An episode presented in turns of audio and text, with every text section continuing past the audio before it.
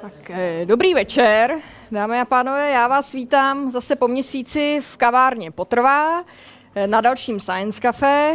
Eh, vítám vás jménem občanského združení Otevíráme, které už od listopadu roku 2008 Science Café pořádá a dnešním večerem tak symbolicky ukončíme první cyklus našich diskuzních večerů, protože přes prázdniny budeme mít přestávku a sejdeme se opět zase až v září.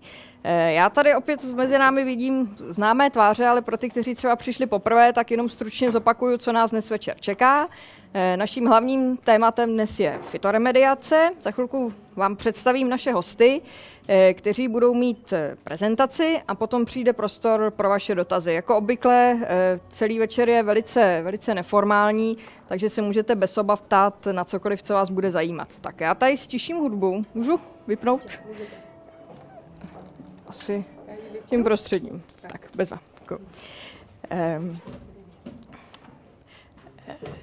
tak, takže to jenom k tomu, jak večer bude probíhat. Eh, samozřejmě během, během večera si můžete i objednávat eh, nápoje s výjimkou nápojů teplých, protože to by nám trošku dělalo hluk s kávovarem. E, nicméně není problém si objednat i třeba něco k jídlu, stačí mávnout a obsluha občas bude chodit, takže i když to bude trochu improvizace, tak jistě nebude problém se nějakým způsobem domluvit. E, já bych na úvod e, ještě ráda poděkovala našim mediálním partnerům. Jedním z nich je časopis VTM Science, v jehož předcházejícím čísle jste si také mohli přečíst rozhovor s panem Vaňkem, který je jedním z našich hostů. A e, myslím, že ten rozhovor teď už by měl být na webových stránkách VTM Science.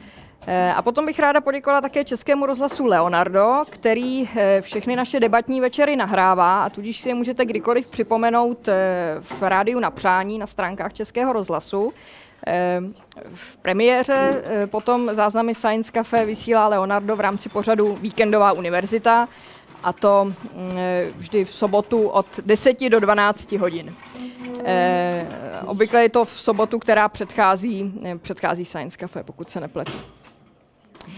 Eh, tak s Českým rozhlasem Leonardo si pojí ještě jedna technická věc. Když se budete chtít zeptat, tak stačí se jenom lehce přihlásit. Eh, a Josef Kačírek, který tady má pod, pod svojí zprávou všechny mikrofony, vám mikrofon donese a budete se moci zeptat. Tak. Já myslím, že asi na úvod je to všechno, pokud jsem na něco nezapomněla, pokud ano, tak to zřejmě nebylo tak důležité a teď se přesuneme k tomu nejdůležitějšímu. Já bych vám ráda představila naše hosty, kterými jsou pan eh, Tomáš Vaněk. Dobrý den. Eh, a paní Radka Podlipná. Eh, a teď se pokusím správně, správně přečíst vaše pracoviště z Laboratoře rostlinných biotechnologií, což je společná laboratoř Ústavu experimentální botaniky Akademie věd a Výzkumného ústavu rostlinné výroby. Dobře. Tak, eh, takže já vás tímto vítám, děkuji ještě jednou, že jste přijali naše pozvání a předávám vám slovo. Já děkuji. Dámy a pánové, já bych vám tady krátce, nebo dlouze, to uvidíme, něco přednesl o tématu.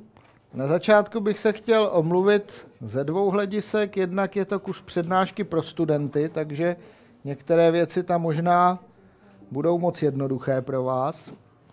A druhá věc, a to je můj problém, já česky přednáším strašně málo kdy, takže si asi budu šlapat na jazyk. Takže, takže jsem si musel nechat dát pivo. Eh, co jsou to ty fitoremediace? Já bych začal trošku od začátku. Radko, prosím.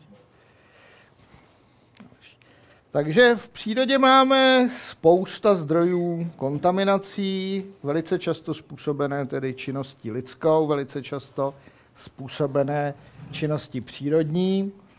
Tadyhle, myslím, tohle jsou zrovna příbramské doly, Tohle nevím, odkud jsme to sebrali. To bude asi Austrálie. To vypadá na od Kaliště dolů. Další.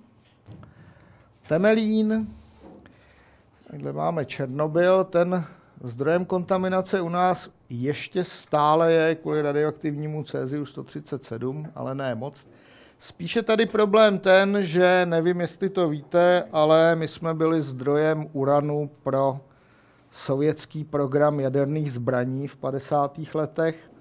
Napřed se to řešilo tak, že se v Jáchymově kopal smolinec a vozil se vlakem do Sovětského svazu.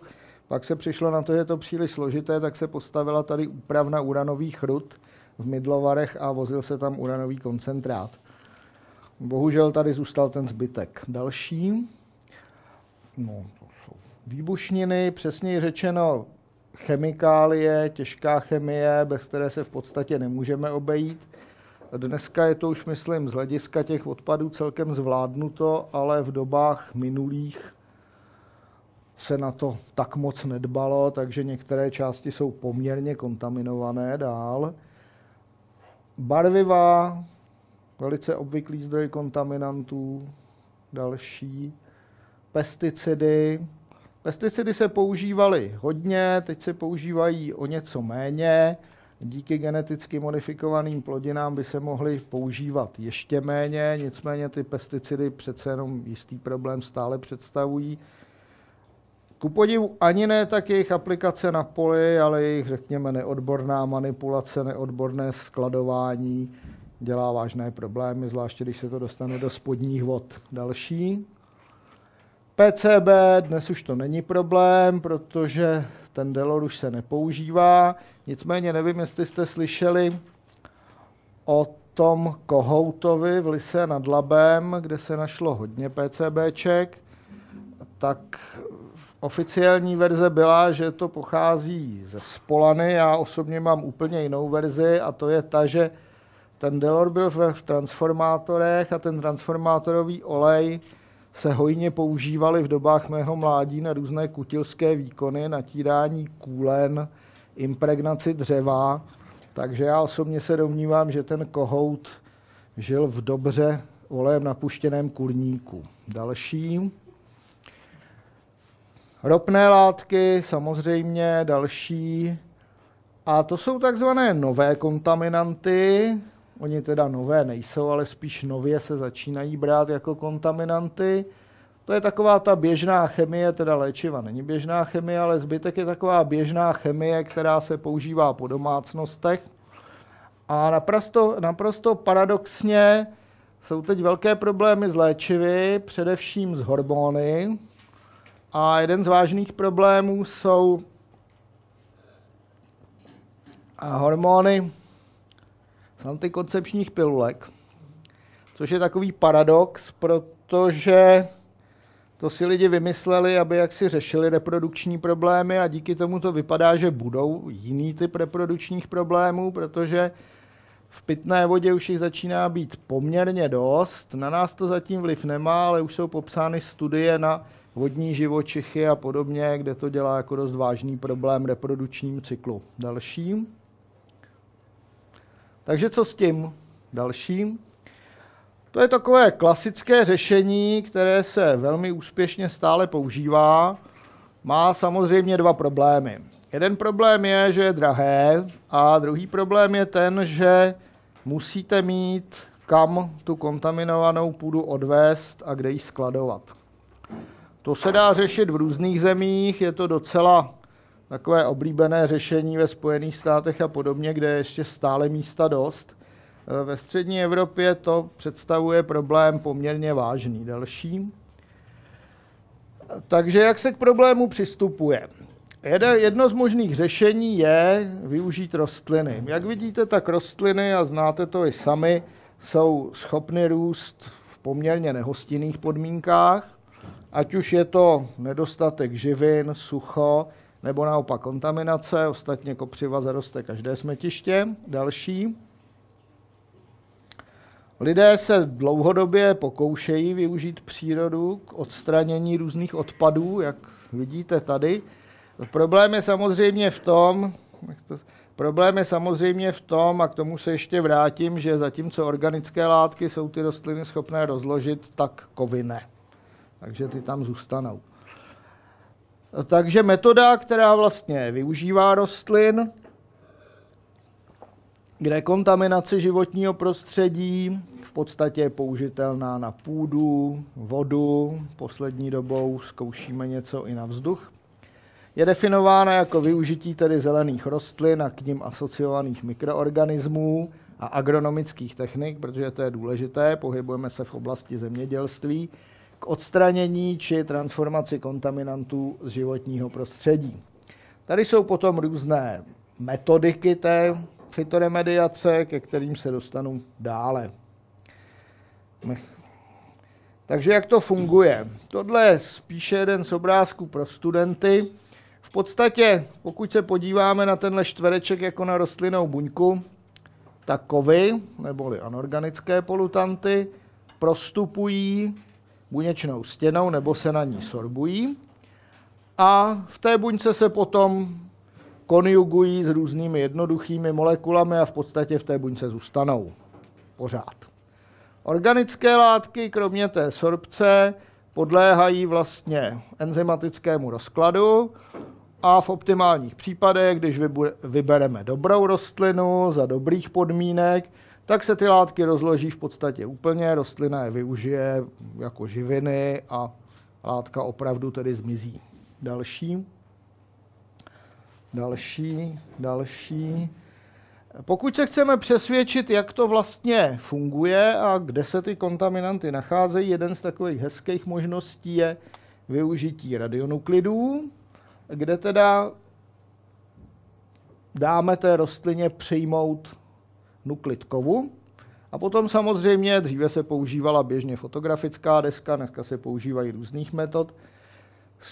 Zkoumáme, kde ten nuklid je uložen. Takže vidíte tady v tomto případě, tohle je tuším javor malej, ne, eh, jeřáb. V případě olova vidíte, že téměř výhradně v kořeni, drobně prostupuje tedy stonkem. V případě kadmia po tom stonku postupuje jisté malé množství jeho v listech. Takže díky tomu vlastně víme, kde ty kovy jsou. Stejným způsobem se dají sledovat i látky organické. Další. Fitoremediaci dělíme v podstatě víceméně z hlediska technického na různé typy, aby jsme se v tom trošku vyznali. Je to tady schematicky znázorněno. Jeden z typů je tedy fitodegradace, což je vlastně tedy degradace rostlinami, takže ty kontaminované látky jsou přijaty kořenem, rozvedeny po rostlině a v různých částech té rostliny podle toho, jaké jsou tam enzymy, dochází k jejich rozkladu, ať již úplnému nebo částečnému. Další. Rizodegradace v podstatě jenom hovoří o tom, že se to děje tedy v kořenové zóně a účastní se tam různé látky, které jsou kořeny vylučovány. Další. A stabilizace je vlastně není čistění, ale je založena na efektu, že ty rostliny rostou let kde. A pokud máte hodně kontaminovanou oblast, tak tam dochází k problému jednak uvolňování těch látek do spodní vody a jednak k tomu, že když tedy fouká, tak se ta kontaminovaná zemina rozprašuje po okolí a dělá takzvanou sekundární kontaminaci.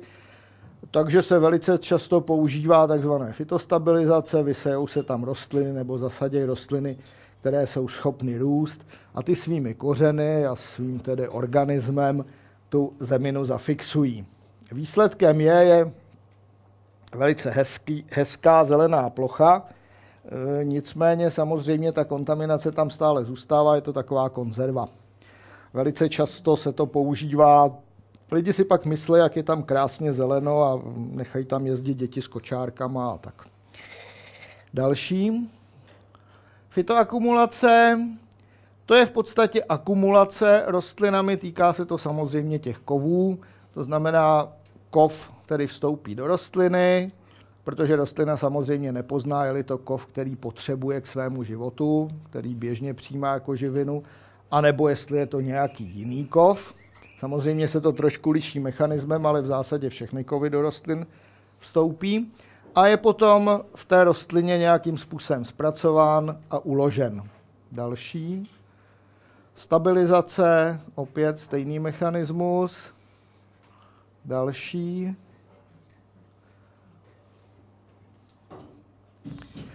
Další možností, teď jsme hovořili v podstatě o půdě, Varianta další je využití naprosto stejného mechanismu k čištění odpadních vod.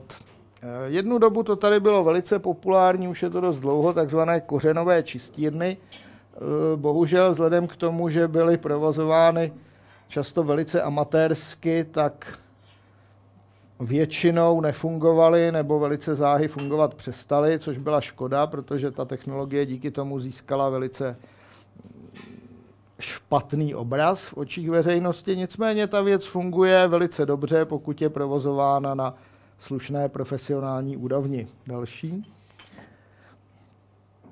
Poslední varianta, to je spíše metodická záležitost, je takzvaná fitovolatilizace, dali bychom říct prodýchávání, eh, což je přístup, který já osobně nemám velice rád. V podstatě je to založeno na tom, že ty rostliny přijímají kontaminant kořeny a protože nevědějí, co s ním, tak ho vlastně ten kontaminant projde celým organismem a pak je vlastně transpirován do ovzduší. Neboli ta kontaminace se ředí. Majitel tedy znečistěné oblasti je rád, protože mu tam ta kontaminace ubejvá pod normu, nicméně ta kontaminace mizí do ovzduší. Já vím o dvou případech, kdy se to provozovalo. Jeden případ je tricium, nikoliv u nás.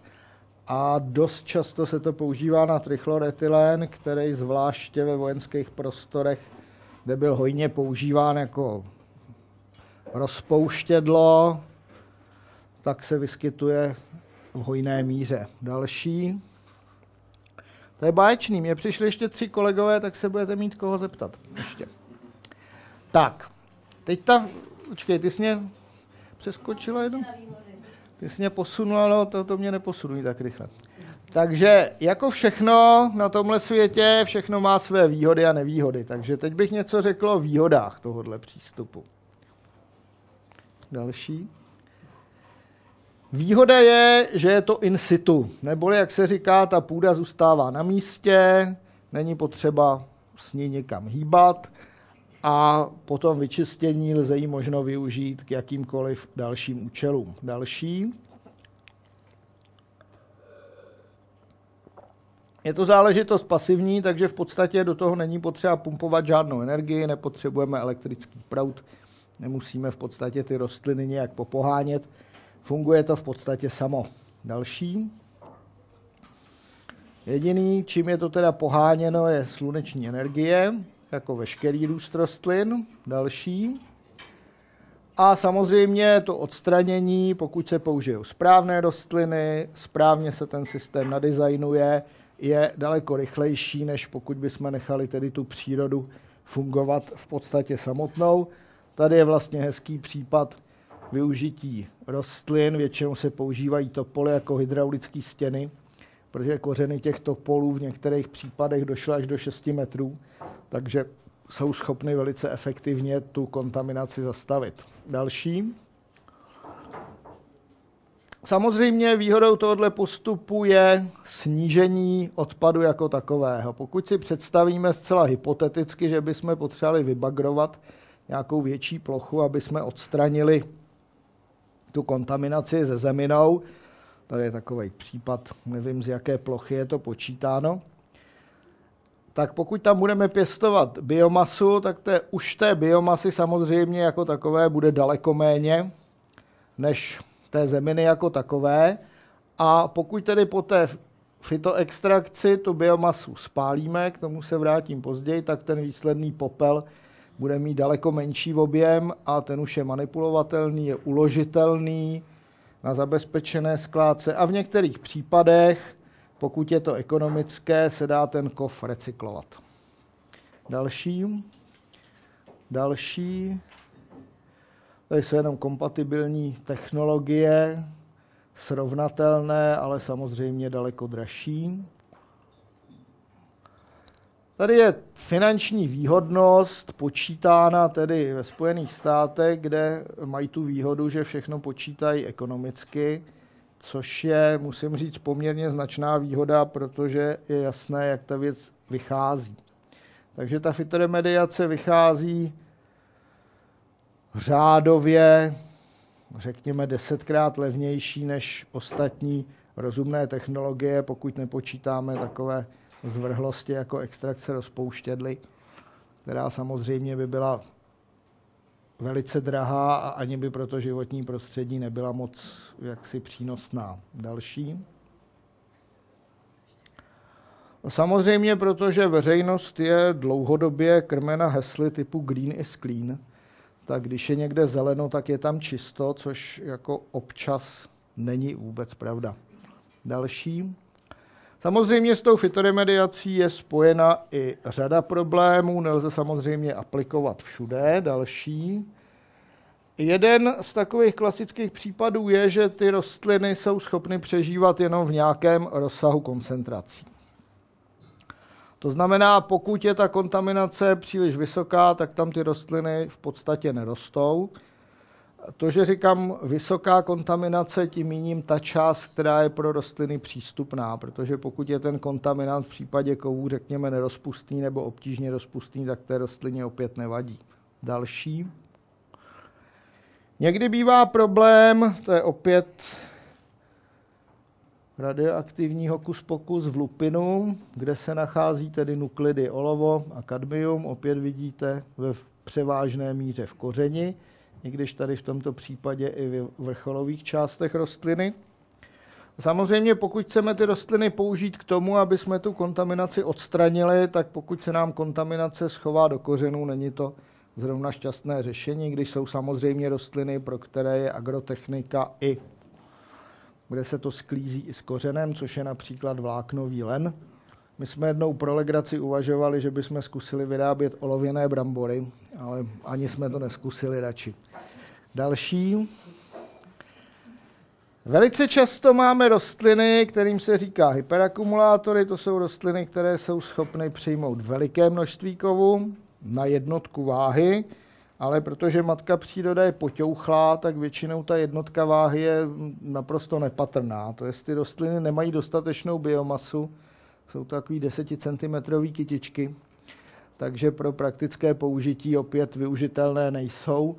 Takže v současné době se nejnadějnější jeví využití, řekněme, běžných rostlin, které mají dost biomasy a pro které existuje agrotechnika, my v současné době pracujeme hlavně s technickými plodinami, aby se zabránilo tomu teoretickému přestupu do potravního řetězce, takže velice hezky vychází konopí, len a i ta řepka, která je teď všude.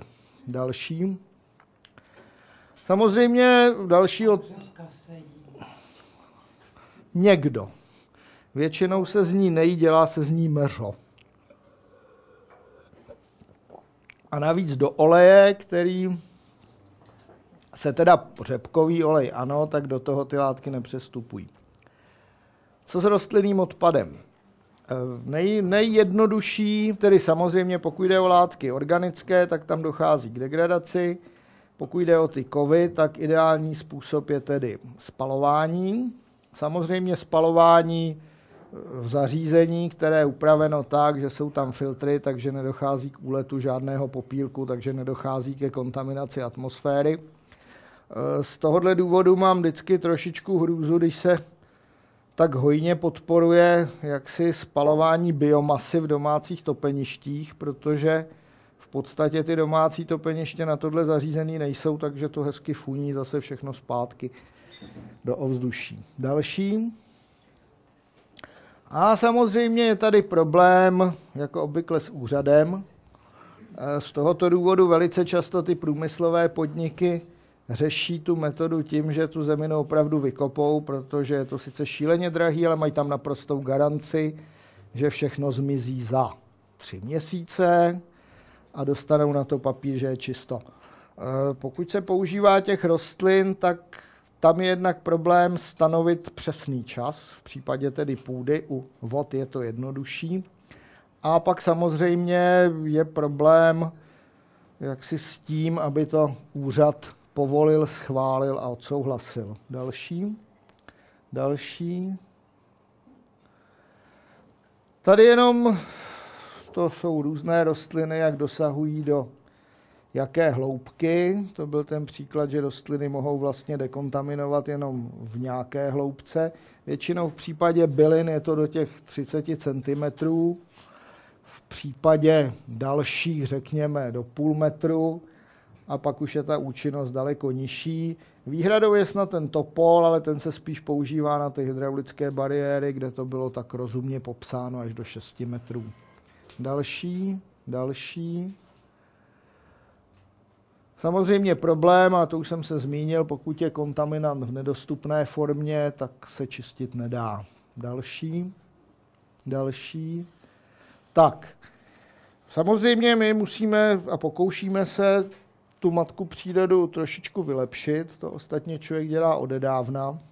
A všechny kulturní rostliny dneska a všechny plodiny, které se používají, jsou nějakým způsobem vylepšeny. Dokonce by se dalo říct, že všechny kulturní plodiny jsou geneticky modifikované, i když tedy různými metodami. Další. Takže běžné takové, řekněme, klasické věci je výběr rostlin, to znamená, laboratorně se vybírají rostliny, které vyhovují pro dotyčnou kontaminaci, pro dotační typ kontaminace nejlépe. Pak je snaha, aby ty rostliny dobře rostly, měly hodně biomasy, čili úprava hnojení půdy. Lze uvažovat o zvýšení dostupnosti těch látek pomocí některých chelátorů, což jsou látky, může to být třeba i kyselina citronová, kterou běžně dáváte do marmelád, která způsobí, že některé kovy jsou více rozpustné. Další. Další variantou jsou tedy transgenní rostliny, které lze využít v podstatě dvěma způsoby. Jednak si můžete představit rostliny, které ty látky přijímají nebo rozkládají daleko ochotněji, úspěšněji, výkonněji. Ty lze použít k čistění. Lze si představit i obrácenou variantu, to znamená rostlinu, které ty, která ty kontaminanty přijímat vůbec nebude. Tu pak lze samozřejmě použít k zemědělství na kontaminované ploše, protože žádné riziko přestupu do potravního řetězce nebo do některých užitečných produktů nehrozí. Další. To je potom obecný postup, jakým způsobem provádíme ty studie. Další. Samozřejmě botanický průzkum kontaminované lokality, který nám řekne jednak o tedy kontaminaci, jaká tam je, a jednak o rostlinách, kterým to nevadí. Další. Tady je potom už takové blížší studium, to znamená, my většinou tu rostlinu studujeme v laboratorních podmínkách, vyrábíme z ní nediferencovanou buněčnou kulturu, aby jsme lépe mohli studovat mechanismus. Další identifikace enzymů a podobné kejkle. Další, další. To je potom různé typy tabáku, jak přijímají kadmium. Tady je ten běžný typ, Tady je typ, který byl modifikován. Další. A tady je to, co my se zabýváme také studiem dekontaminace ploch zamořených výbušninami, takže tady vidíte, jak se dobře daří tedy modifikované rostlině Arabidopsis a, a jak špatně rostlině, která modifikovaná není. Další Bohužel lidi, zvláště v Evropě, mají o těch geneticky modifikovaných plodinách představy poněkud zvláštní, jak vidíte tady. Další, někteří ještě zvláštnější. Další. Bohužel ta realita je, musím říct, velice jaksi rozdílná, jak vidíte tady.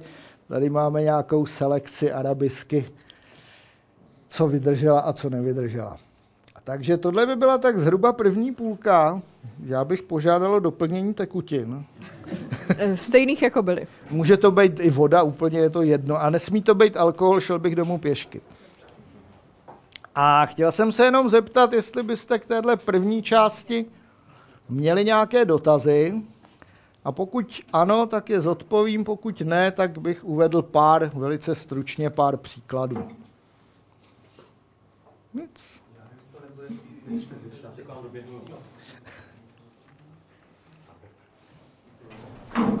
jestli to nebude v té druhé půlce vaší přednášky, ale jestli by nešlo uh, vzít tu část genu, která umí třeba v tom hyperakumulátoru výborně působit a přinést ho do běžné rostliny typu třeba lén, anebo ta řepka. No, to je, to je dobrý příklad, ale má to, samozřejmě tohle se dělalo a dělá se to, tenhle přístup má jenom bohužel jednu dost podstatnou nevýhodu. K čemu bych to přirovnal?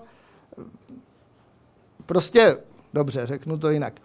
Ta rostlina sama o sobě a ten přijímání, řekněme, toho kovu je strašně složitý mechanismus, který začíná tím, že ta rostlina to napřed musí přijmout, pak to musí nějakým způsobem zpracovat, pak to musí transportovat a pak to musí uložit. Takže vy, když vemete jenom ten jeden kus, tak většinou se vám stane, že když to sledujete na úrovni nějaký buněčné kultury, tak tam to ještě jakž takž funguje. Ve chvíli, jak to začnete dát do celé rostliny, tak přijdete na to, že vám nějaký kousek jako z toho chybí. Řekněme, ta rostlina je schopná vydržet větší koncentraci kovu, protože jí to nevadí, ale už ho není schopná do sebe natáhnout, transportovat, uložit, protože tam máte jenom ten jeden kousek. Jo? Tam je vždycky celý řetěz těch pochodů. Ale samozřejmě tohle bylo takhle. Tohle bylo to první, co se začalo dělat. To znamená, našel se jeden gen, vyměnil se. Velice často to fungovalo, ale nefungovalo to tak, aby se dalo říct hurá, budeme to používat. V tuhle chvíli existuje pár geneticky modifikovaných rostlin, které se v USA používají v polních testech, ale jsme tak na třetině cesty, abych to tak řekl.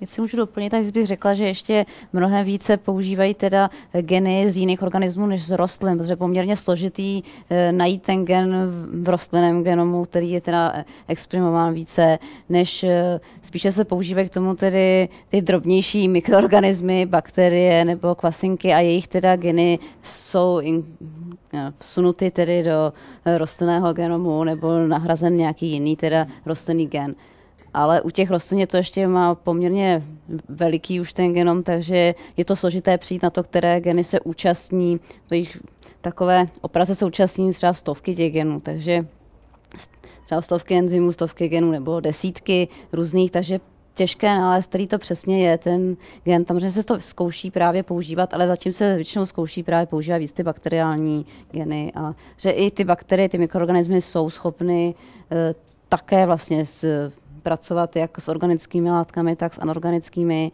a jsou schopny je nějakým způsobem taky degradovat třeba organické látky, ale zase se nedají používat jako fitoremediace.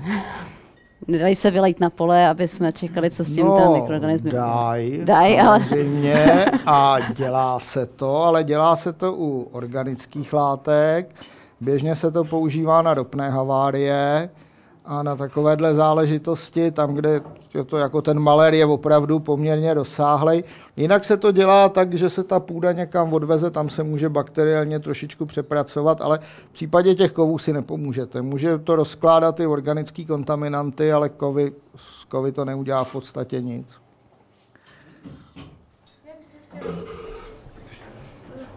Zeptala, uh ja, ja som úplný like v tejto oblasti a rada by som vedieť, ako meníte gény v tých rastlinkách.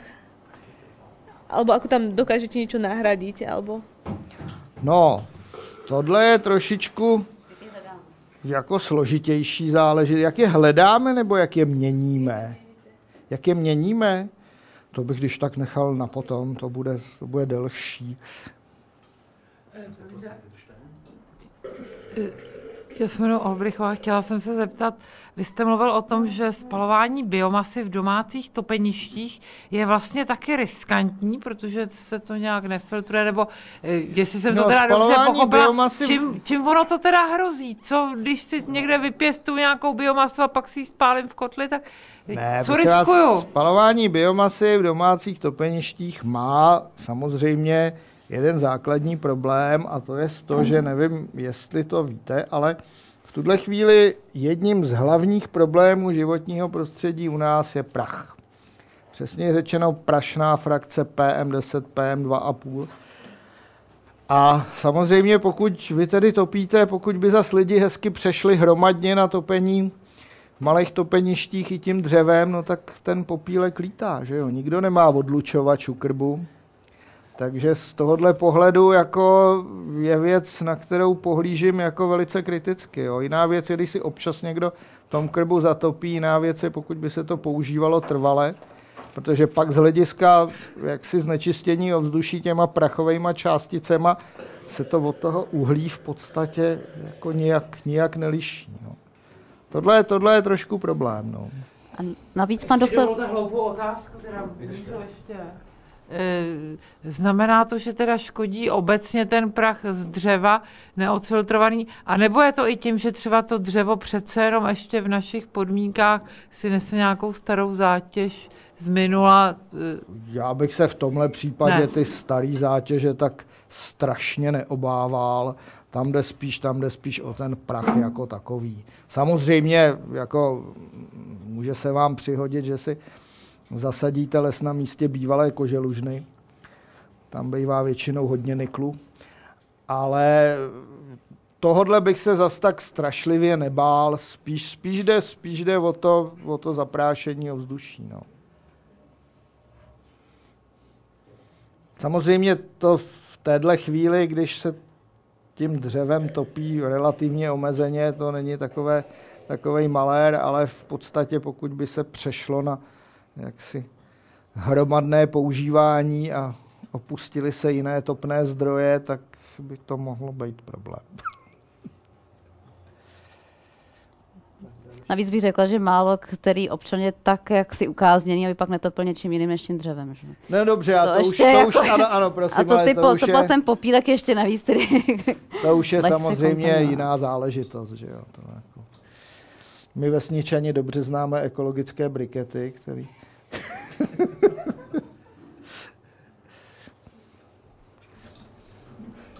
Dobrý den, mě by zajímalo, jak selektujete ty rostliny pro ten výzkum. Ty rostliny takhle, ty rostliny se v podstatě máme vlastně dva stupně selekce, dalo by se říct, pro výzkum vlastně dva. Jeden je to, že je už o těch rostlinách poměrně dost známo, takže jako každý výzkum se začíná rešerší, aby se člověk podíval, co známo je. Potom se z těch rostlin, které vypadají nadějně, samozřejmě vyberou nejvhodnější a ty se testují v laboratorních podmínkách, to znamená v izolovaném prostředí, aby bylo jasné, že za tu akumulaci nebo degradaci může opravdu jenom ta rostlina. Samozřejmě další krok, a ten je ještě horší nebo obtížnější, je potom, když se uvažuje o praktickém využití té rostliny, protože tam vám vstupuje, vstupují ještě dva další efekty. Jeden efekt je ten, že aby se něco vyčistilo, potřebujete dost biomasy. Takže tím automaticky odpadají takové ty jako takové ty cancourky 10 cm. A pak ještě další problém, který už si kolegové dlouho neuvědomili. Já se účastním organizování Evropského networku na tohle téma, teďka končíme desátý rok. A to bylo zajímavé, že z začátku si to neuvědomal nikdo. Našly se krásné rostliny v té laboratoři. No jo, jenže když máte krásnou rostlinu a pak potřebujete osej 10 hektarů, tak bývá zlé, že jo, protože nejsou semena, nejsou sazenice, není nic. A nebo naopak potom, když to potřebujete sklidit, není agrotechnika. Takže výsledkem bylo, že se vlastně ty rostliny použitelné na opravdu větší plochy, že se to pořád jako zužuje, i když je jich stále dost. No. Podobná je situace u čistění vod, kde, řekl bych, přes hrdiné úsilí evropských výzkumníků to vychází furt stejně. Rákosí, rákosí, rákosí. Jo. I když je teda fakt, že ten rákos v různých zemích je trochu jiný, má trošku jiný metabolismus, ale pořád to vypadá jako na nejefektivnější. Samozřejmě ve směsi s dalšíma rostlinama pořád to vychází nejlíp to rákosí.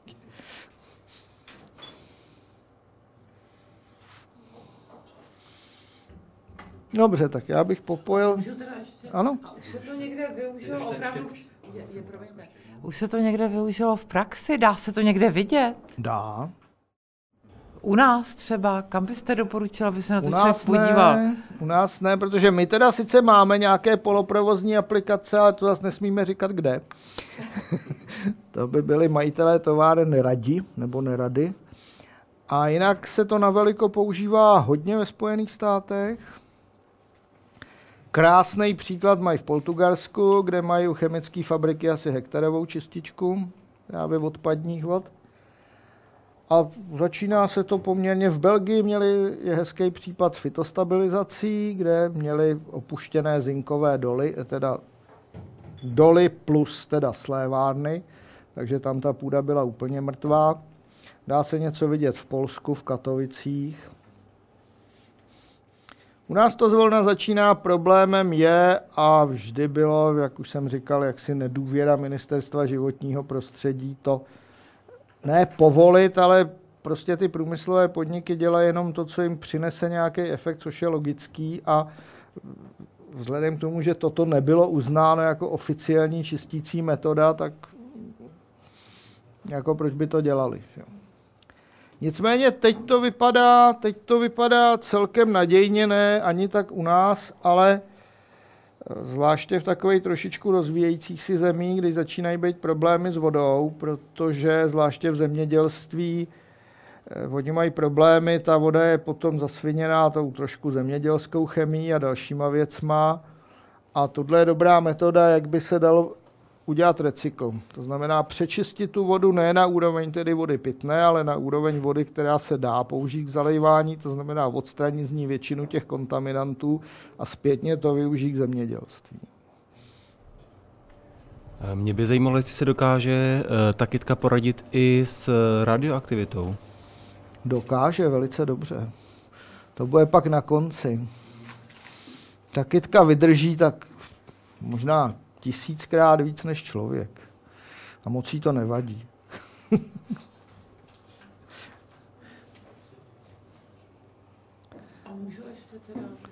Ano.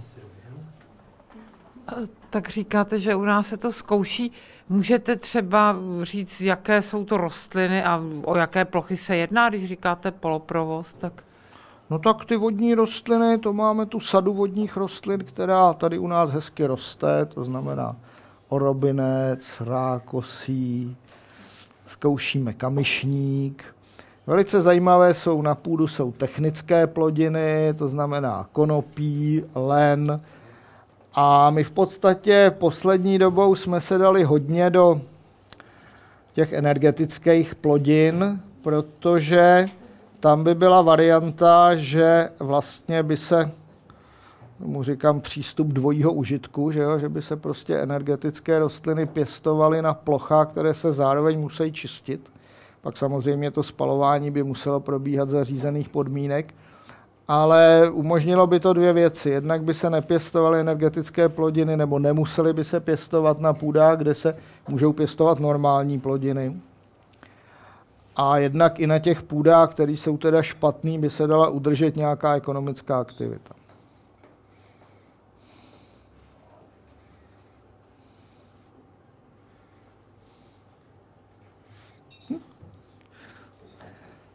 Tak já bych tady řekl pár věcí, co děláme s organickými sloučeninami.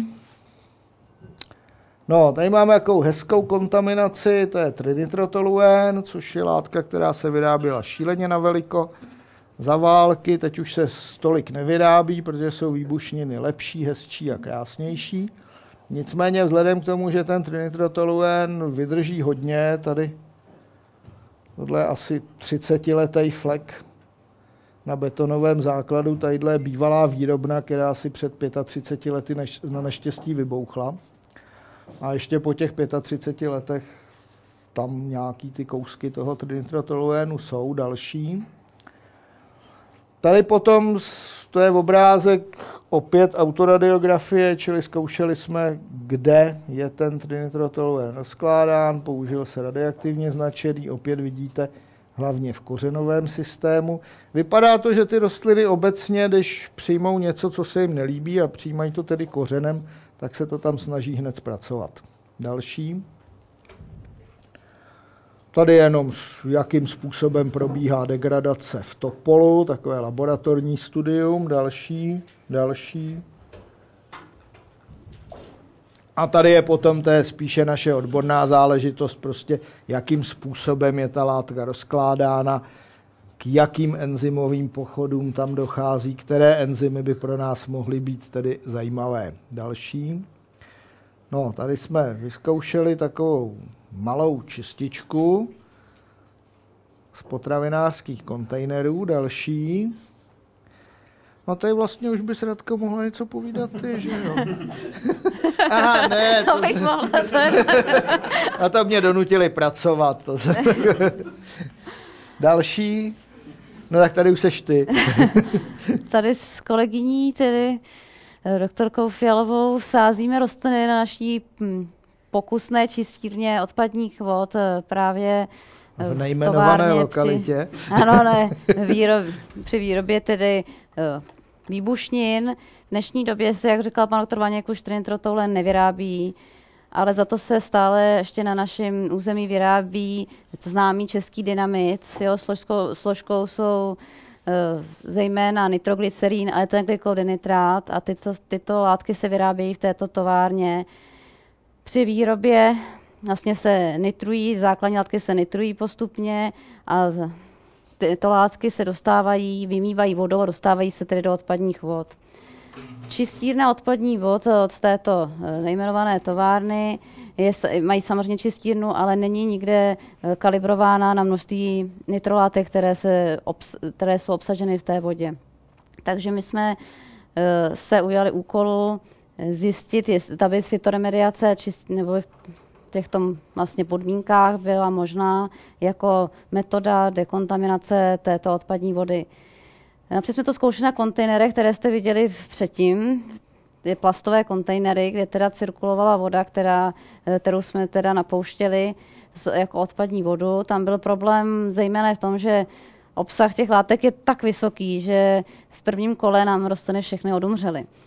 Takže jsme zasadili opět nově kontejnery, Osadili jsme je, jak už bylo jmenováno, rákos, orobinec, junkus a vyzkoušeli jsme i pěkné okrasné irisy, které eh, rostly teda v místním rybníčku, takže jsme usoudili, že budou určitě vhodné k dekontaminaci.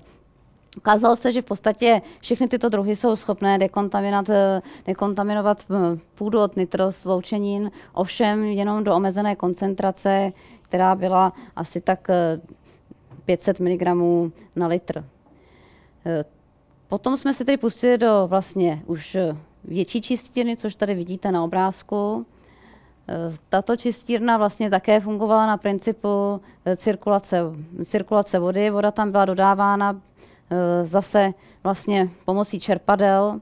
Zatím není možné vlastně ji eh, nastavit na samotnou odpadní, odpadní tu rouru, protože tedy zatím koncentrace je příliš vysoká a eh, musela by být teda t- algona mnohem, mnohem větší, aby se tedy voda eh, nařadila tak, aby ta koncentrace byla přiměřená rostlinnému pokryvu.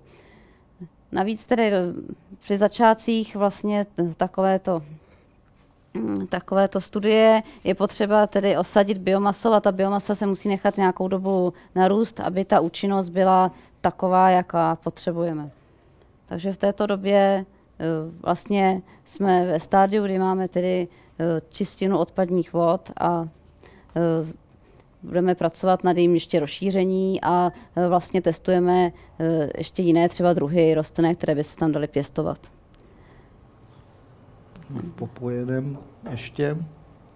Další. Tady, jo, tady další. ještě byl vlastně problém s tím pH, někdy taky v některých krocích bývá i e, nižší pH, tak e, je potřeba A, to pH upravovat. No to je tady v No, souhrnu, no, Popojedem. koncentrace, to jsou zase toxické kovy. A My jsme Výběr. tady dělali hokusy pokusy právě, jak jsem říkal, s technickými plodinami a to v místech, které jsou známy důlní činností. V tomhle případě je to teda Kaňk, Kutná hora, kde, jak jistě víte, se tam těží stříbro, těžilo asi tisíc let a samozřejmě ovšem eh, moc už se nemluví o tom, že ta ruda je tam polymetalická, takže je tam samozřejmě ještě řada dalších kovů, včetně arzénu. Eh, Zajímavý je, že tam došlo k takovému zajímavému jevu.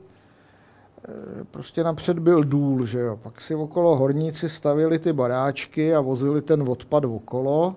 Výsledkem toho bylo, že vlastně půlka města v tuhle chvíli je na odpadu. Eh, Tam ty koncentrace těch kovů jsou překvapivě vysoké, já vám radši nebudu říkat jak. Ale je zajímavé, že vzhledem k tomu, že ty kovy jsou nerozpustné a pro ty lidi nedostupné, tak Není tam pozorován žádný zvýšený výskyt nemocí ani zvýšená umrtnost nic. Další možnost je, že si lidi za těch tisíc let na to zvykli, ale to je spíš vtip. No. Bylo zajímavé, že ty lidi na tom v podstatě žili pořád a nebyl s tím vůbec žádný problém. Jenom před pěti lety natočila česká televize o tom nějaký pořád a následkem toho všichni dospěli k závěru, že okamžitě umřou. Přestože tam předtím žijou generace. Jak říkám, je to tak, že se dělá rozsáhlý průzkum. Zjistilo se, že přestože v půdě ty kovy jsou, tak ve studnách třeba nejsou. Takže ta voda je v pořádku a v podstatě to zvolna zase utichlo. To, co tam teda my děláme a zkoušíme, je právě omezení z oblasti toho dolu, a který už je víceméně uzavřený, vlastně fitostabilizace, to znamená, aby nedocházelo k rozprachu a k přemístění té kontaminované zeminy dolů do těch polí. Další. Tady je potom něco podobného, to je začátek takového pokusu s fitostabilizací. Tady používáme v příbrami v jedné továrně jsou to topoly, další. Tady je potom vidět, že podle toho, jaký je to kov a jaká je to rostlina, máte různou distribuci, to znamená, můžete si jakoby vybrat, kde chcete, aby ten kov byl. Bílé jsou kořeny, žluté jsou listy, červený je vlastně stonek. Děkuji. Tady potom vidíte slunečnici, tady vidíte kukuřici a tady vidíte různé kovy. Takže vidíte třeba kadmium je víceméně všude, chrom a olovo je hlavně tedy v tom kořeni. Měď je do jisté míry tedy i v listech. Takže vy si pak můžete vybrat, jestli chcete stabilizovat, nebo jestli chcete opravdu tedy tu kontaminaci sklidit. Samozřejmě používání slunečnice nebo kukuřice by nebylo vhodné vzhledem k tomu potravnímu řetězci problému, ale tohle je prostě studie, jak se chovají různé rostliny vůči různým kovům dalším. To už tady jednou bylo, to je vlastně akumulace olova.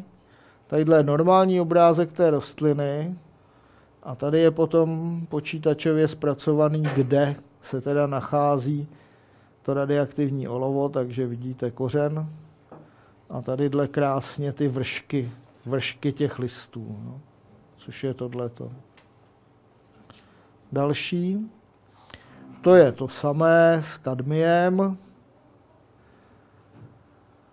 Další, tohle můžeme vynechat. To je potom nová metoda, kterou tamhle provozuje kolega, tak se ho když tak můžete zeptat.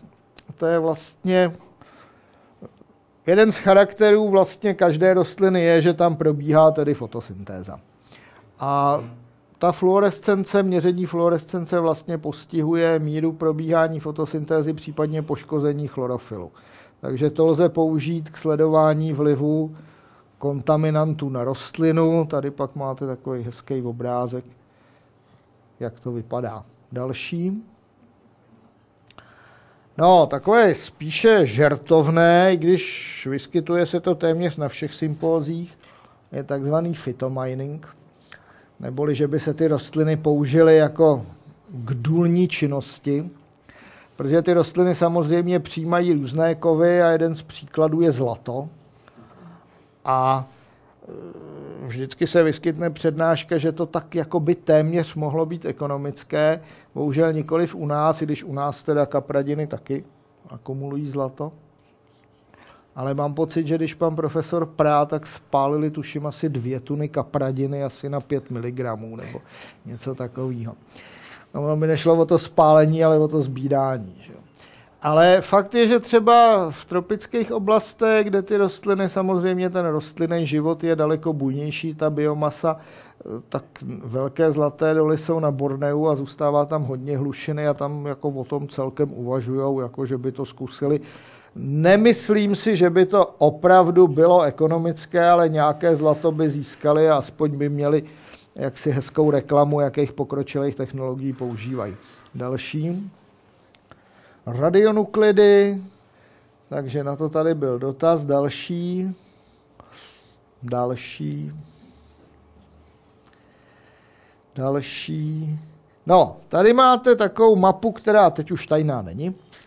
A to znamená, kde se u nás uran těžil, kde byly úpravny uranu a ještě stále se u nás uran těží a myslím si, že bude velice rozumné, že se těžit bude, protože my jsme díky tomu mohli být energeticky soběstační ještě asi 120 let. My teda děláme vlastně hokusy pokusy tadyhle v místě bývalé úpravny a úložiště uranových rud v Midlovarech a něco menšího jsme dělali okolo Temelína, ale k tomu se ještě dostanu. Další. Tadyhle je ta úpravna, již dnes tedy zavřená, opuštěná. Další. Tady máte takovou charakteristiku. Tady potom je mapa, na který je zajímavý, že tadyhle je ta fabrika, tohle jsou různé odkaliště a tohle jsou vesnice. Takže jak vidíte, tak se s tím tenkrát příliš nemazali. E, zajímavý v podstatě, nebo ne zajímavý, zajímavý je, že v podstatě ty lidi tam nějak statisticky problémy nemají, nicméně ten hlavní problém, který tam může být, nejsou ani tak ty odpady jako takový, ale spíše radon, který je jedním tedy z prvků té rozpadové řady a který je plyný. Takže tam je potřeba zabránit hlavně, hlavně úniku tomu, toho radonu. Ostatně kvůli tomu se tady dělají ve všech barákách teďka nových radonový zábrany a musíte mít test, že není v podloží radon, protože naše země je na smolinec a na uranové rudy velice bohatá. Problém toho radonu opět není v jeho radioaktivitě přímo, ale problém je v tom, že on se rozpadá zpětně na tuhé produkty, takže vy si nadechnete radon a ono vám to v těch plicích zůstane už na furt, protože ten další produkt už je pevný, takže ale tenhle problém v podstatě, v podstatě je již vyřešen. Já vím, že ve vesnici v Krkonoších tam kvůli tomu museli zavřít školu, protože tam teda toho radonu bylo opravdu hodně. Další. Tady je potom taková ta hlušina, že jo, v které ještě stále uran, rádium a pak jsou tady všechny ty izotopy, jak se ten uran rozpadá. Další. To je jenom studium, jakým způsobem je rádium tedy transportováno ze z půdy do rostlin, opět lupinus, další, další. A tady je potom dlouhodobá studie na tohle je teda Olše. Eh, tady je z toho vidět jedna věc a my jsme taky měli tam s pány diskuzi, a, eh, že při rekultivaci těchto oblastí nelze nebo není příliš rozumné používat stromy, protože ten strom, pokud ta těsnící vrstva nad tou hlušinou není dost vysoká, tak ty kořeny prostě proniknou do půdy, ty radionuklidy takhle proběhnou tím stromem, některé se dostanou do listů a pak zase opadají. Takže tam dochází k dodatečné kontaminaci horní vrstvy půdy, takže z tohohle důvodu v těchto oblastech se nesmějí používat stromy. U těch bylin ten problém není, ti těsnící vrstvy jsou většinou tlustý dost, takže tam k tomu, k té sekundární kontaminaci nedochází. Další. Tady je opět taková modelová čistička. Další. Další. No, to jsme si fotili různé části. Další. Tady je potom vidět, že vlastně ta koncentrace, která tam byla, nějakých těch 600 mikrogramů na litr, což je tuším ještě velice slušně nad normu, v podstatě v té čističce tam se to recyklovalo, zmizela během, během asi měsíce. Další. No, tak opět jsme si postavili takovou trochu větší. No. Další.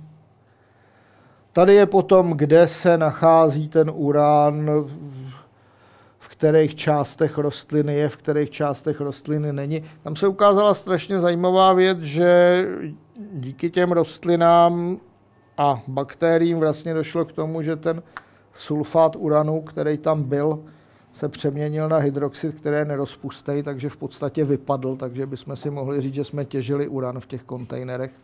Samozřejmě by to trvalo dost dlouho, než by ho tam bylo jako nějaký větší množství.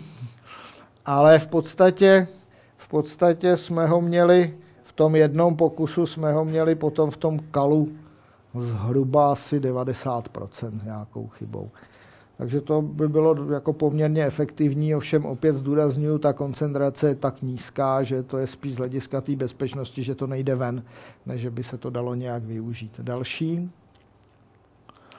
Další, to byla ta autoradiografie, tohle je zřejmě tedy první autora, autoradiografie na světě s uranem. To autorem je tamhle ten pán, je tamhle schovaný vzadu. Petře. Pan doktor Soudek. A tady je potom poslední věc, kterou jsme dělali, to je fito, radiofitomonitoring, jak jsme tomu tak hezky říkali.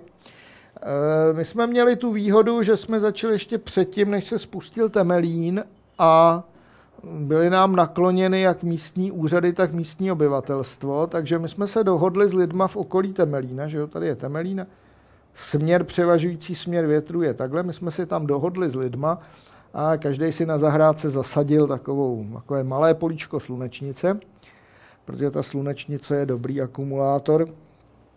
A teď jsme zkoumali jako stupeň radioaktivity před spuštěním Temelína a po spuštění Temelína. My jsme samozřejmě věděli, že pokud by jaksi k něčemu došlo, tak by se to klasickými metodami jaksi zdetegovalo daleko dřív a taky nám v podstatě bylo jasný, že nějaký stopový únik tam příliš nepadá v úvahu, ale jednak nás to zajímalo, jestli to potvrdíme a jednak to samozřejmě zajímalo ty lidi okolo. No. Takže další. A potvrdilo se to nebo ne? Ne, tak tam ta tabulka není. No samozřejmě se potvrdilo, že jsme furt na pozadových hodnotách. Že jo.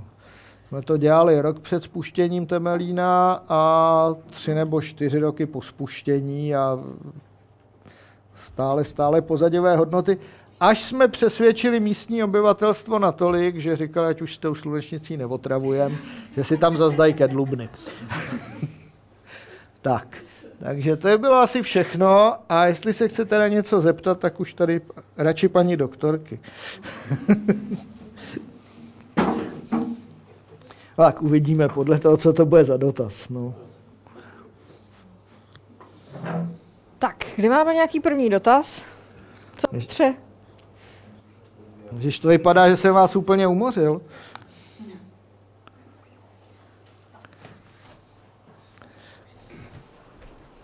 Tak já se zeptám, jestli se nějaký podobný studie s těma slunečnicema dělali třeba i u uhelných elektráren, protože jsem slyšela, že tam se v podstatě uvolňuje ty radiace mnohem víc než u, u té jaderné elektrárny, tak jestli by se tam dalo něco podobným způsobem taky monitorovat.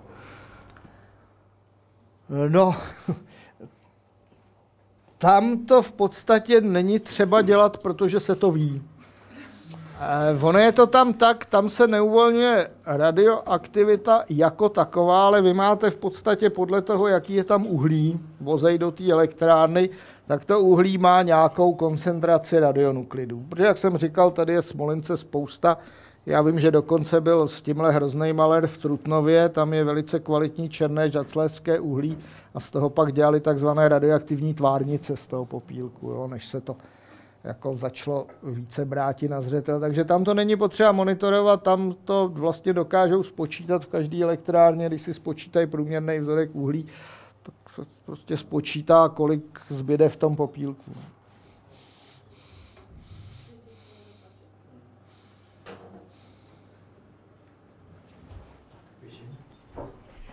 Já se zeptám jako konzument potravin. Když teda některé rostliny tak ochotně do sebe přijímají ty škodliviny, tak teď mám skoro strach jíst slunečnicová semínka. Jsou nějaký další takový ty běžně, běžně užívané rostliny, které ochotně do sebe tyhle věci berou? Všechny. Před kterým byste nás měl varovat?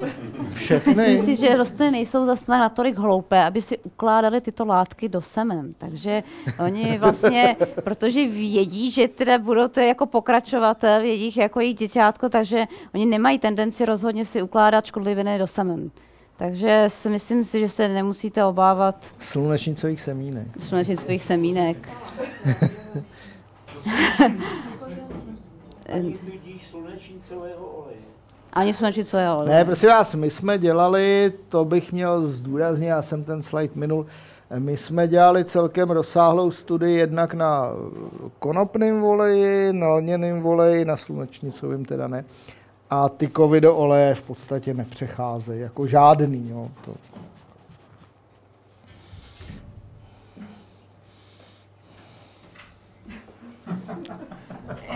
Teď úplně z jiného soudku.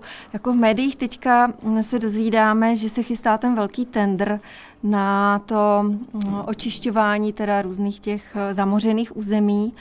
Eh, není opravdu žádná naděje, že se tyhle ty vaše metody eh, uplatní, když se jedná o tak rozsáhlou akci, tak mně to přijde ohromná škoda, jestli se bude postupovat jenom těmi nějakými starými tradičními metodami.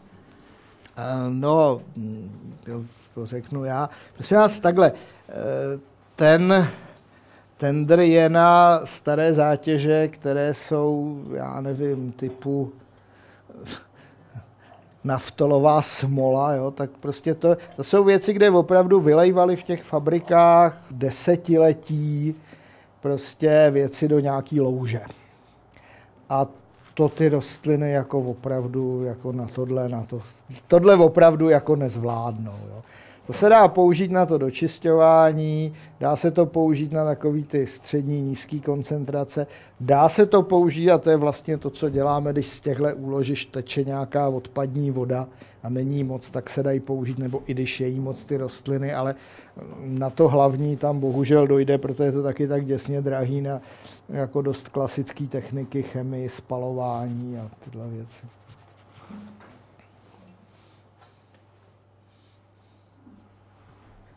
Já bych se dovolil zeptat, jestli existuje nějaký... Uh, prosil bych odpovědět otázku, jestli existuje nějaký plán na úrovni států na využití těchto metod, nebo jestli to provozujete víceméně na základě nějakých svých aktivit eh, jako ústav, nebo jakým způsobem eh, se prostě systemizují všechny tyto poznatky, které tím výzkumem získáváte.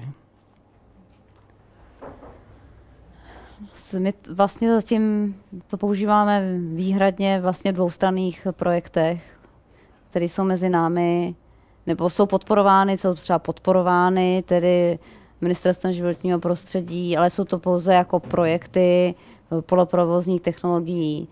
A myslím, že se zatím neuvažuje o nějakým celostátním nebo celoplošným využívání těchto technologií.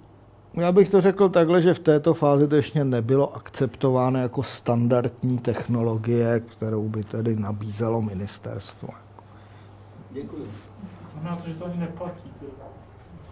Nějaký, ano, ano. Cože? Jestli to platí stát český, jako třeba ve formě grantů nebo něco takového. No. Studie ve, form, ve formě grantu jsou podporovány jako vlastně s tím, že se to účastní, jako jedna strana je ta e, průmyslová a jedna strana jsme my jako vědecká instituce. A z jakého důvodu se to ještě neakceptovalo? A z jakého důvodu se to ještě neakceptovalo? E, málo přesvědčivý jste? Byli nebo...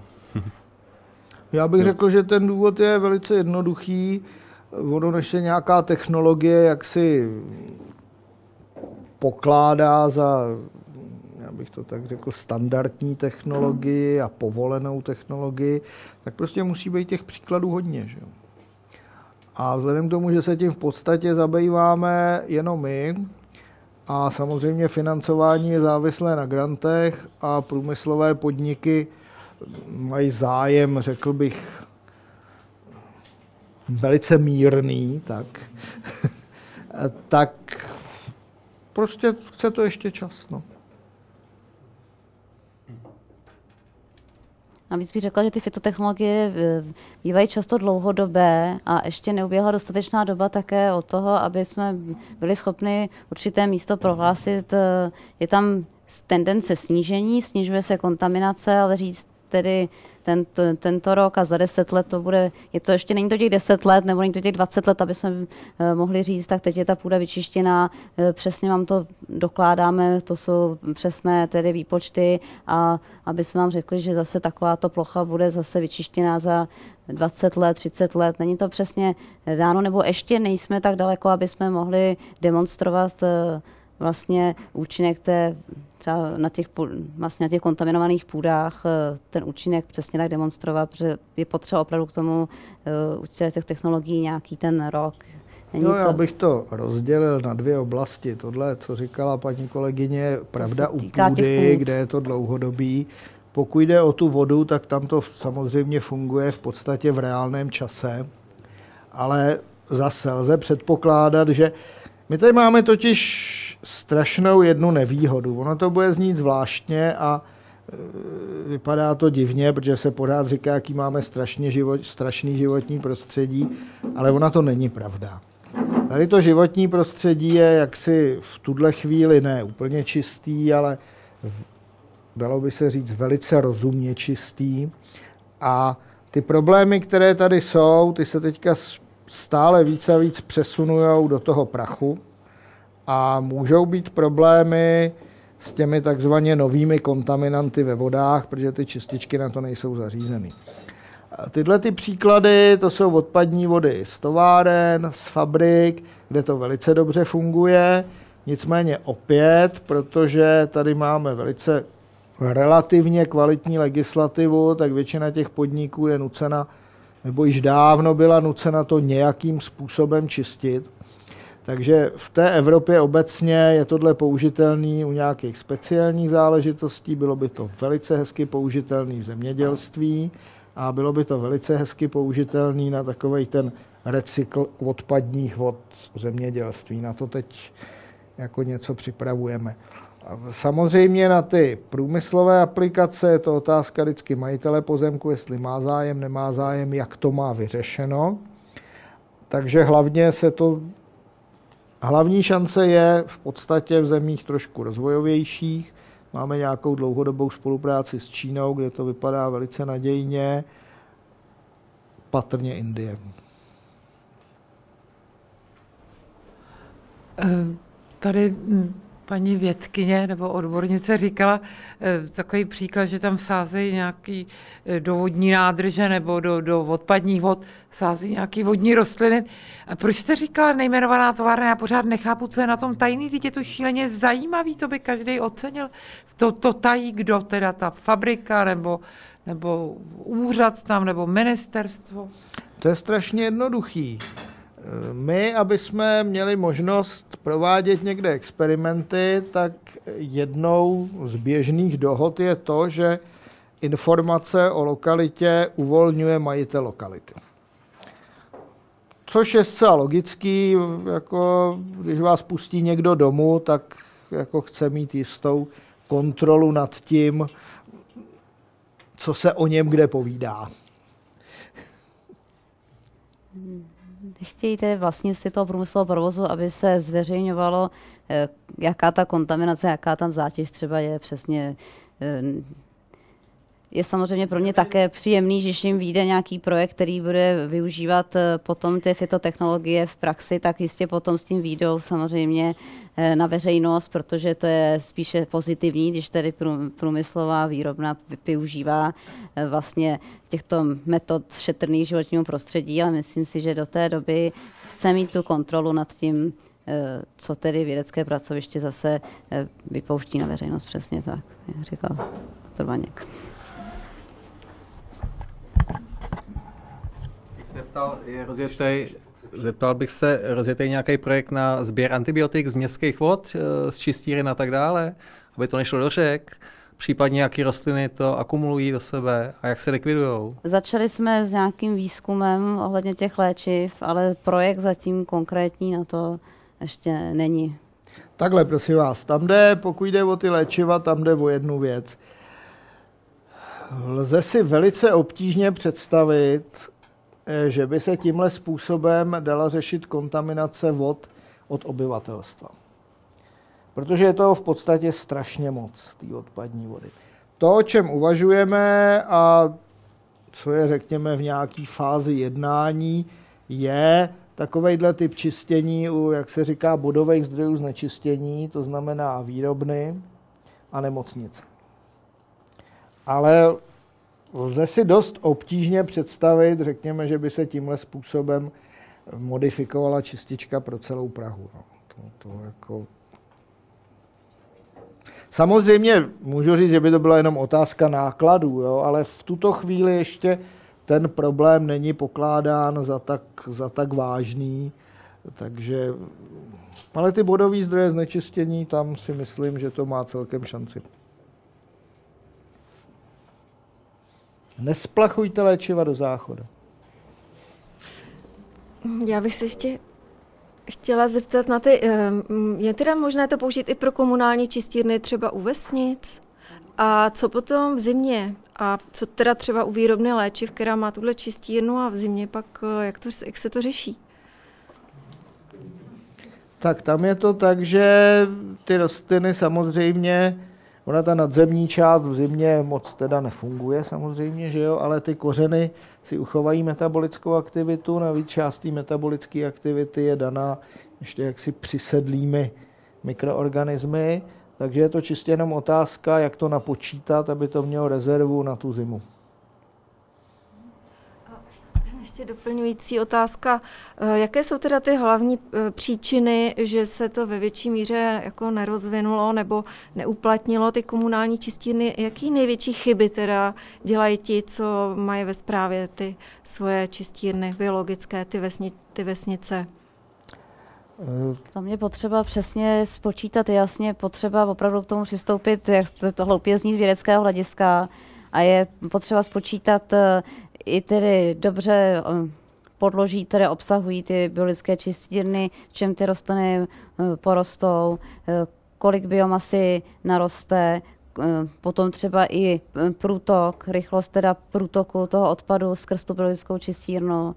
A potom je potřeba i počítat s tím, že se vlastně organické látky i další vlastně hm, to, co z těch čistíren že se ukládá, je potřeba ty biologické čistírny eh, čas od teda taky přesně po definovaném čase je potřeba je čistit a obnovovat tu biomasu. Takže není to možné jenom prostě si myslet, že si uděláme jezírko a zasadíme do něj pár kytek a ono se nám bude čistit. Ono to takhle opravdu nefunguje a je potřeba, aby to dělala opravdu fundovaná teda firma, založená opravdu na nějakých výpočtech a teda z vědeckého hlediska ověřených.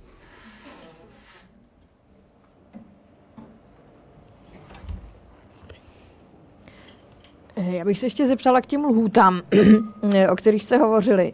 Eh, jsou třeba v zahraničí s tím nějaké jakoby delší zkušenosti v tom, že třeba byste říkal, že ve Spojených státech už je to celkem rozvinuté. Tak jestli tam už třeba dokáží říct, tak za 20 let tato rostlina vyčistí, vyčistí takhle znečištěnou půdu. To je v podstatě, já bych to tak řekl, tohle není problém. Jako. To je v podstatě, dalo by se říct, matematické cvičení. Ale problém všech jaksi agentur regulačních je to, že jim jaksi matematické cvičení nestačí. Oni to musí vidět. Oni si to musí odměřit. jo. Jo, Tam jsme tak... začali dřív ve Spojených státech, tak už eh, také mají s tím větší zkušenosti a už mají tedy lecos odměřeno. To je právě důvod, proč my teď hlavně mluvíme o té vodě a v případě půdy to spíš posunujeme k tomu, čemu by se dalo říkat udržitelné hospodaření s půdou. To znamená využití té půdy na, řekněme, energetické dřeviny, technické plodiny, které budou částečně čistit a zároveň teda přinesou majiteli pozemku nějaký ekonomický profit. To je případ té půdy. U té vody je to úplně, úplně jinak.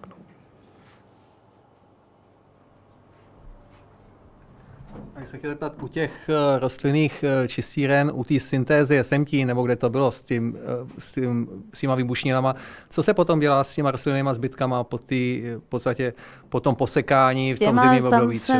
S nimi nemusí dělat nic, že tam dochází k degradaci, což znamená k rozkladu Degradaci, těch látek, jo? takže mhm, tyto Dobře. látky se vlastně e, degradují a rost, rostlina vlastně je využije jako živiny, takže není potřeba je ani sklízet, což je teda výhoda u těch čistíren, kde se právě používají pro rozklad organických látek, eh, z toho důvodu, že vlastně ta čistírna může fungovat eh, mnoho let, aniž by se muselo nějakým způsobem do ní zasahovat. To znamená, že eh, tady, jak paní říkala, u toho komunálního, u těch komunálních čistíren, tam přece jako většina nebo ten interval toho čištění těch čistíren kořenových musí být poměrně dost velký, ne? Protože tam ta spotřeba pro výživu té rostliny je dokonalá. Přece když tam je inertní materiál, v kterým se to pěstuje, tak víceméně k takovému tomu zanesení uh, dochází až 10-15 let. To jako zanesení Tam hlavní, spíš... hlavní problém byl, to je věc stará, myslím, 15-20 let, tam hlavní problém byl v použití naprosto nevhodného lože, v kterém byly ty rostliny pěstované. A v 80 nebo v 70% případů se jim ty čistiny za půl roku prostě ucpaly.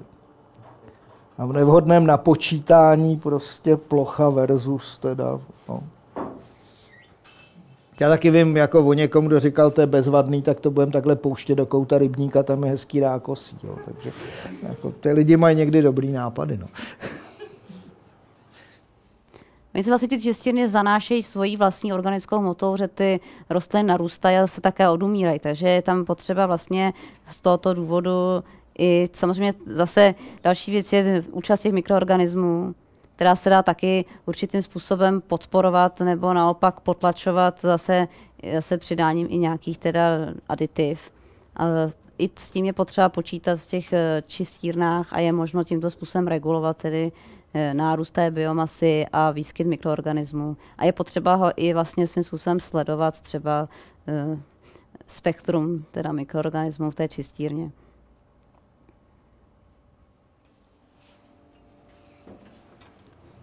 Máme nějaký další dotaz tady vzadu. Já se omlouvám, ale ještě by mě zajímalo, jestli uh, se nějak monitoruje znečištění těch zemědělských půd jako v rámci celé republiky, nebo jestli je to spíš otázka náhody, že někdo zjistí nebo se zjistí v potravinách. Jestli teda můžeme být klidní, že se to sleduje nějak statisticky ne, a průběžně. vás, tohle, tohle se sleduje velice podrobně. Jinak je tady mapa půd, jako myslím obecně ty zemědělské půdy. Jednak je tady mapa v podstatě půd, tady jednu dobu byl problém s kadmiem díky fosfátu, tuším ruskýmu, nebo teď nevím, jestli ruskýmu nebo af, ne, africký, africkému, správně, africkému, který měl toho kadmia trošku moc a protože v dobách dávno minulých ty hnojiva nestála nic, tak se hnojilo štědře. Takže následkem toho byla jistá kontaminace kadmiem. Nicméně ty půdy jsou standardně sledovány a samozřejmě všechny ty zemědělské produkty, zvláště které se dělají v nějaké velkovýrobě, tak jsou velice bedlivě analyzovány. Jeden můj kolega dokonce jedovatě tvrdí, že jako takový ty lidi, co si pro děti pěstují mrkev a dobře jí hnojej, takže to je daleko větší riziko, než dojít do obchodu. No protože ty mrkvy chtějí dělat hodně dobře, aby jim hezky narostla, a pak je to samý nitrát. No v té souvislosti bych se chtěl zeptat, kdy si, eh, v té souvislosti bych se chtěl zeptat o těch nitrátech, kdy si existovala tady eh, zemědělská inspekce, která kontrolovala určitou hladinu třeba v zeleninách a tak dále, eh, hladinu dusíku. Jo? Je to ještě dneska? Funguje to tak? Při těch dovozech? Netušíte? Já musím říct, že netuším, tohle už jde mimo mě, ale pokud vím, tak jako je to velice bedlivě sledovaný, protože občas slyším hekání, že někomu něco vyhodili. Hmm, fajn, dík. Ale jako přesně, jako to už, to už, to už je jinde úplně.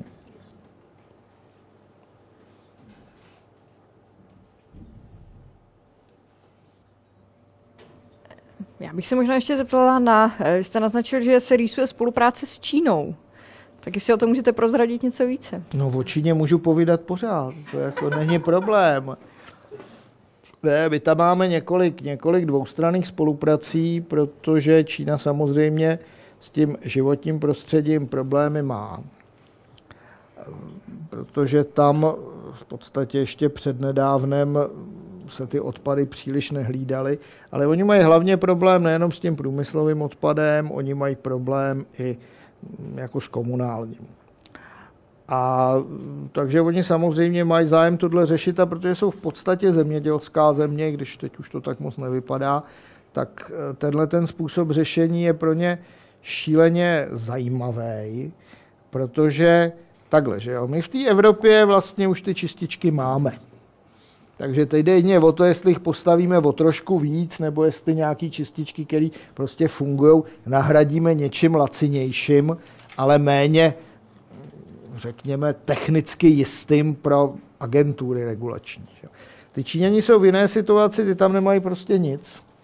A pěstování tedy biomasy rostlinné je velice láká, jim to blízký a je to pro ně věc, která by jim pomohla velice rychle a hlavně velice levně vyřešit řadu problémů.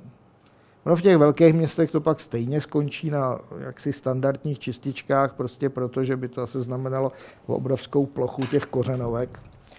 Ale tady jde hlavně o malá sídla, případně i jednotlivé domy tedy, kde se tímhle způsobem dá čistit velice hezky. Je zajímavý, já jsem viděl velice hezké aplikace s farem i tedy v Izraeli, kde tohle používají. A všechno to teďka směřuje jednak k čištění vody, ale hlavně to směřuje, abych tak řekl, k udržení vody v krajině nebo k recyklu té vody, prostě aby vlastně nebyl žádný odpad. Aby žádná voda neodcházela špinavá, špinavá pryč. A samozřejmě lze si velice hezky představit, jeden můj kolega ten to dělá pro Afriku, Němec, tam to má už tak hezky rozpracovaný, samozřejmě na tom obrázku to vypadá moc hezky, že jo, jak prostě pak v tom rybníku pěstou rákosí, z kterého si dělají střechy, že jo, a na konci v tom posledním rybníku už jsou ty ryby, které se dají jíst, jo, je to prostě recykl, taková bezodpadová technologie pro místa, kde není standardní čistící technologie.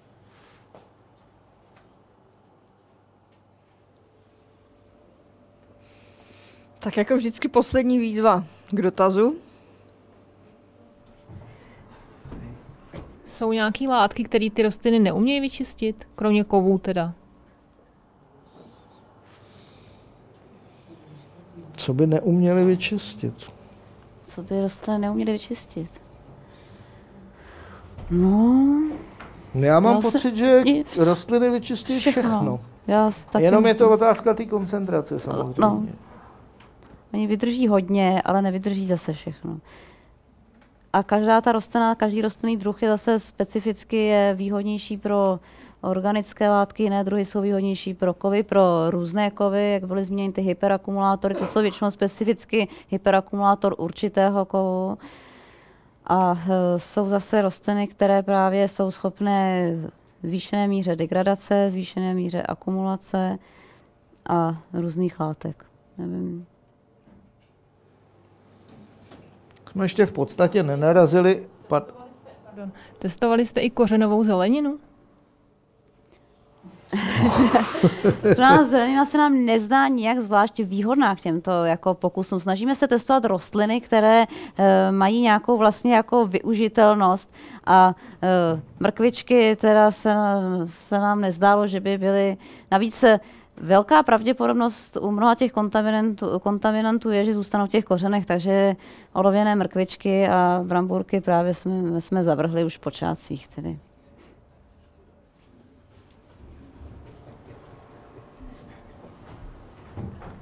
Já bych se chtěla ještě zeptat, padla tady zmínka o tom, že jsou i rostliny, které nějak zlepšují kvalitu ovzduší, možná i třeba v nějakých menších prostorech. Který to jsou třeba druhy? Tak pokud jde, pokud jde o to vzduší, já jsem tím myslel trošku něco jiného. My teďka máme nějaký projekt na výběr rostlin, které zvýšenou mírou chytají prach a exhalace tedy z automobilů.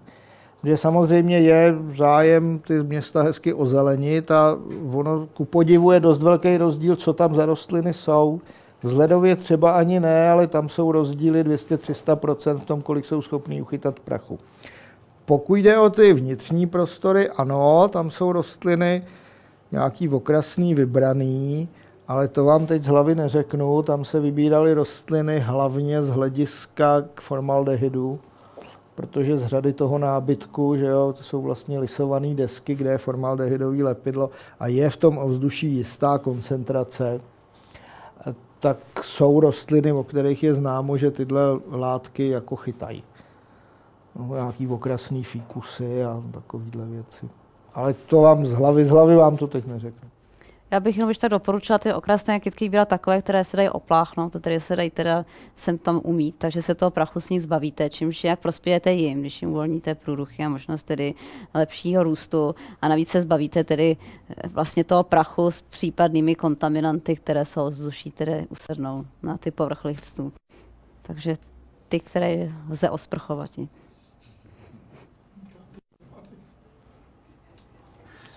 Ty se nikdy nedával kytku do vany? Tak máme ještě nějaký dotaz? Chcete ještě vy něco dodat? No, se já bych, já ještě, bych, já ještě bych nějakým jenom dodal, dodal vědeckým. jednu věc, jenom eh, takhle, že jo, my jsme tady mluvili hlavně, hlavně o těch praktických věcech a k čemu by se to dalo použít.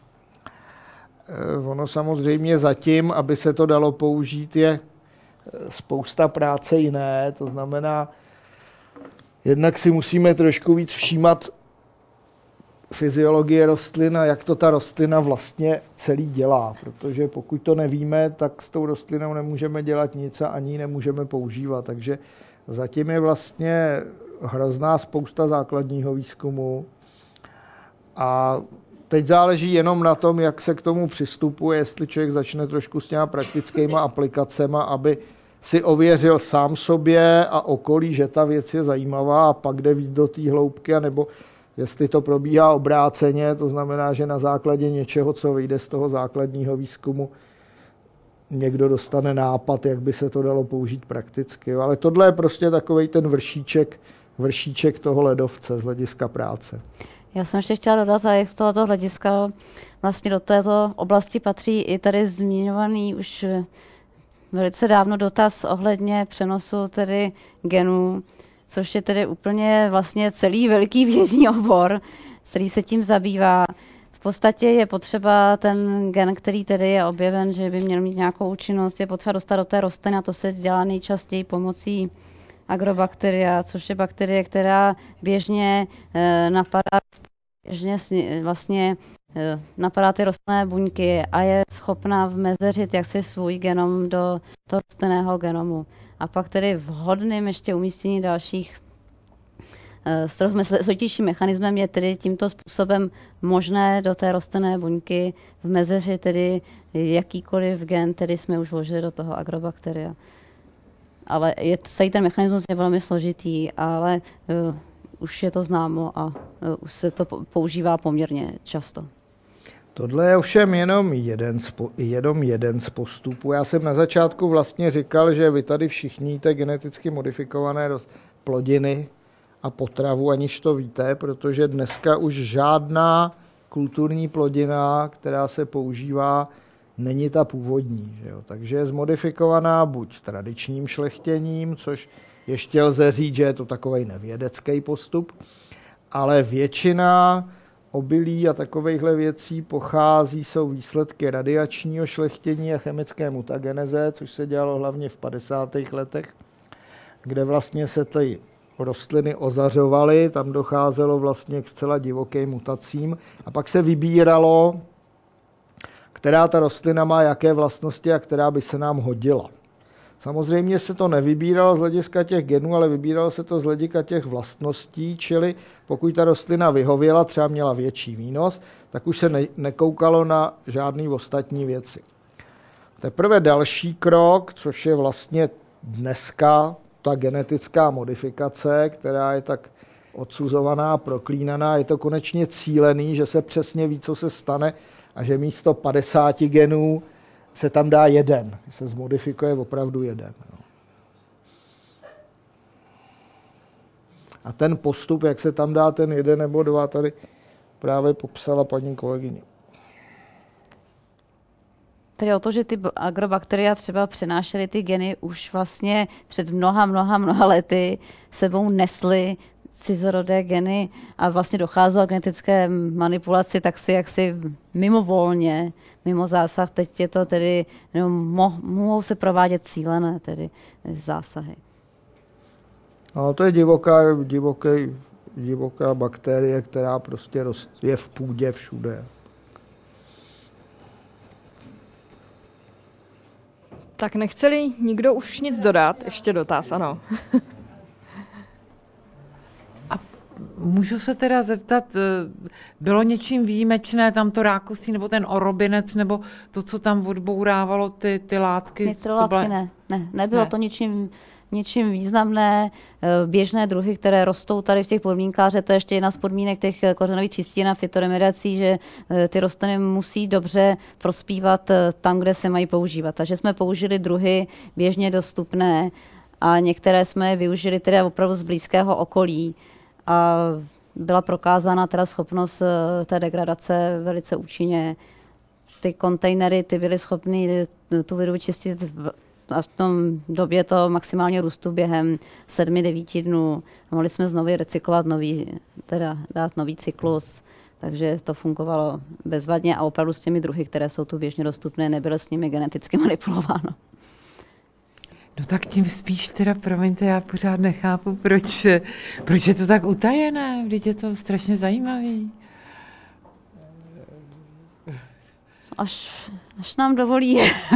No, protože bude- prostě si vlastník pozemku vymínil, že má první právo to zveřejnit. No. Tak až bude on. Jak dlouho, promiňte, ten výzkum probíhá? No, jenom chviličku, No. asi dva roky. Jak dlouho byste to museli eh, tam tedy opakovat, aby se všechny ty látky odbouraly? Nebo To je právě kontinuální proces, protože tam dochází k té výrobě, k uvolňování těch látek vlastně během výroby. Takže spíš jde o to, že by se v budoucnu eh, mohl eh, postavit projekt tak, že by se tam opravdu postavila opravdová velká čistírna odpadních vod. A samozřejmě, že ve chvíli, kdyby to eh, byla čistírna odpadních vod a fungovala, tak by samozřejmě s eh, vlastník pozemku Vlastník se s určitě- tím jistě rád pochlubí, až to bude fungovat Až to opravdu. Ve Tohle velkém. jsou zatím takový Toto jsou jako... pokusy a pilotní pokusy, takže pro ně není nějakým zvláštním výhodou. Je to průmyslový objekt, tak jako to zveřejňovat. To je zajímavý pro nás jako pro vědce, ale ne tak.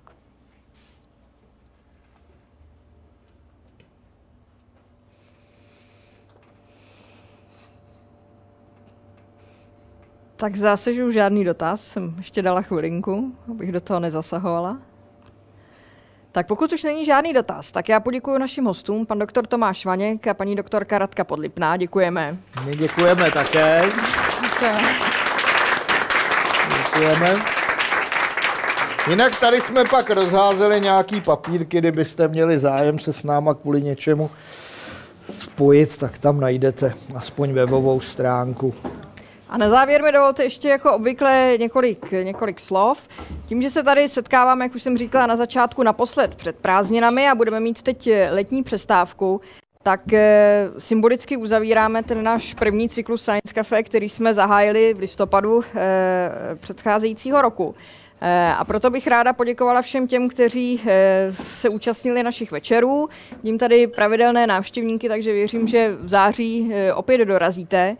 Eh, Ráda bych poděkovala Českému rozhlasu Leonardo a Josefu Kačírkovi, který tady s námi všechny ty večery strávil a, a byl, byl, byl takovým pomocníkem.